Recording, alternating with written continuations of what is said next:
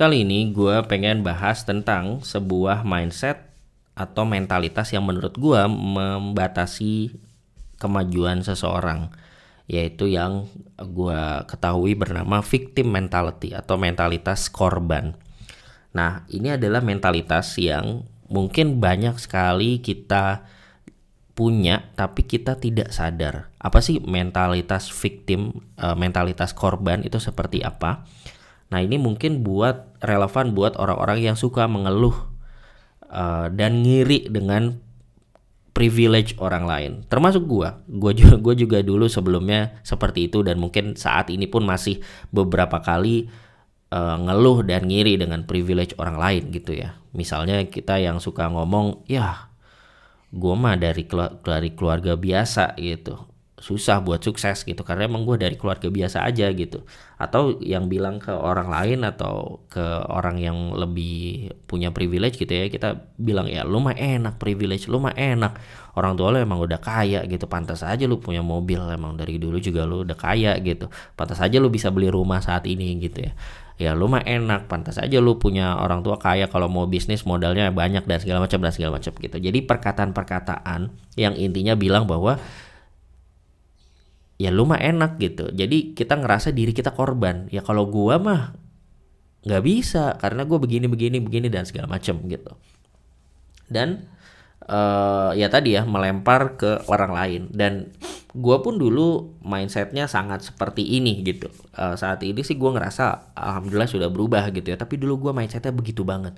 Kenapa? Karena memang gue juga sebagai uh, seseorang ya sebagai seorang individu gue berangkat dari keluarga yang biasa aja gitu. Dibilang kekurangan enggak dibilang kaya jauh gitu. Jadi uh, eh, gue dari keluarga yang biasa aja uh, alhamdulillah sih bisa sekolah bisa kuliah dan di tempat yang oke okay, gitu ya uh, tentu dengan kerja keras orang tua gue gitu tapi jadinya gue juga banyak ketemu sama ya tadi orang-orang atau teman-teman yang mungkin lebih kaya, lebih uh, punya privilege gitu ya. Kalau zaman kecil gue nggak punya mainan, teman-teman gue punya mainan gitu, punya PS, punya bisa mereka uh, bisa ada kursus di sekolah, mereka bisa ikutan, gue nggak bisa gitu. Atau uh, bahkan ketika misalnya udah gede kayak sekarang ya uh, misalnya apa ya atau hal-hal kayak oh dalam kerjaan misalnya gue punya tim gue punya anak magang anak magang gue bawa mobil. Gue nggak punya mobil gitu. Itu hal-hal yang uh, akhirnya menyebabkan gue berpikir atau mengeluarkan statement-statement seperti tadi gitu ya lu mah enak bro. Emang kaya gini gitu dan segala macam. Ya lu bisa lah mencapai ini itu gitu. Sementara kalau gue nggak bisa. Nah gue ngerasa itu mentalitas yang buruk sebenarnya. Kenapa? Karena satu gue merasa diri gue sebagai korban. Itu tadi ya mentalitas korban. Yang kedua adalah gue merasa dunia nggak adil. Dan sehingga gue juga jadi berpikir gue nggak bisa mengubah apa-apa gitu. Terus gue ngerasa dunia yang salah nih bukan gue yang salah dunia yang salah. Jadi karena dunia yang salah ya ini bukan tanggung jawab gue gitu. Kalau hasilnya seperti ini ya memang dunia yang salah kok bukan gue yang salah gitu. Sampai gue sadar mindset mindset ini yang ternyata membatasi diri gue gitu. Yang membatasi gue untuk maju atau men mencoba banyak hal baru. Karena tadi misalnya dengan mentalitas korban dengan ngerasa diri gue korban maka gue menjadikan itu sebagai alasan atau excuse ketika ketika gue gagal atau hasilnya tidak sesuai dengan keinginan gue jadi misalnya ya misalnya tadi gue lagi eh, gue lagi apply gue lagi mau mencapai sesuatu mau apply sesuatu gitu. Terus ternyata nggak uh, gagal nih nggak diterima gitu. Terus gue mungkin akan ber terus yang diterima adalah orang yang emang uh, udah udah udah kaya misalnya bukan udah kaya sih. Orang yang punya um, apa namanya? Oh ya memang dia punya kesempatan. Makanya gue akan akan punya kalau dengan mindset tadi maka gue akan bilang bukan salah gue ini ya ya pantas aja gue gagal gitu. Orang saingannya orang yang dari kecil udah punya uh, apa namanya udah kursus ini itu dan segala macam ya pantas aja gue gagal gitu. Jadi akhirnya karena gue mentalitasnya korban gue gua menjadikan itu sebagai excuse setiap kali gue gagal atau hasilnya tidak sesuai dengan keinginan gue kemudian karena gue main dengan mindset tadi karena gue ngerasa bukan tanggung jawab gue maka gue lepas tangan gitu. Ketika ada sesuatu gue lepas tangan. Enak sih gitu kalau dalam jangka pendek ya tapi karena karena gue ngerasa itu bukan salah gue gitu. Ya udah emang kayak gini kok gitu. Ya gue dari ya gimana? Gue nggak bisa ngapa-ngapain kok gitu. Tapi ya jadinya gue nggak ke mana-mana gitu. Dan ketika gue juga bilang bahwa ada banyak hal yang tidak sesuai dengan keinginan gue dan gue ngerasa gue nggak bisa mengubah apa-apa gue sebenarnya lagi membohongi diri gue sendiri gitu. Karena sebenarnya selalu ada yang bisa kita lakukan gitu. Selalu ada yang bisa kita lakukan uh, memang ada hal-hal yang tidak bisa kita ubah, tapi selalu ada hal dari aspek tersebut yang bisa kita ubah kalau kalau kita menjalani sesuatu dalam hidup gitu.